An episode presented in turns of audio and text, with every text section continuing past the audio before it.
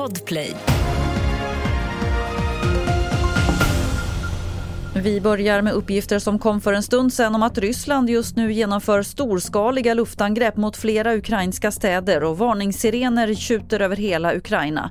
I Kiev uppmanas invånarna att söka skydd. Det rapporteras även om massiva missilattacker i bland annat Charkiv, Dnipro och Zaporizjzja.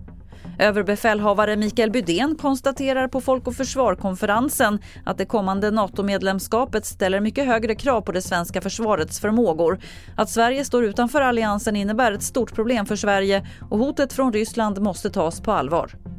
Allting eh, pekar ju på att eh, Ryssland visar i riskbenägenhet, att man inte har ändrat sin målsättning med vad man gör i Ukraina, att man är beredd att ta nästa steg, att man vill införa någon form av ny säkerhetsordning i Europa. Det är det vi har att förhålla oss till. Titta vad som händer i Ukraina och försök förstå också att det här kan bli värre i andra länder, också i vårt eget land.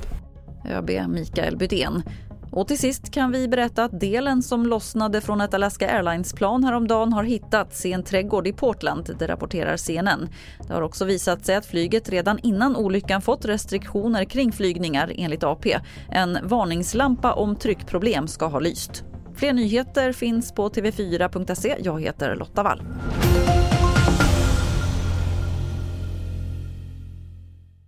you poddtips från Podplay. I podden Något Kaiko garanterar östgötarna Brutti och jag, Davva, dig en stor dos skratt. Där följer jag pladask för köttätandet igen. Man är lite som en jävla vampyr. Man har fått lite blodsmak och då måste man ha mer. Udda spaningar, fängslande anekdoter och en och annan arg rant. Jag måste ha mitt kaffe på morgonen för annars är jag ingen trevlig människa. Då är du ingen trevlig människa, punkt. Något Kaiko, hör du på Podplay. Därför arkadeinerna.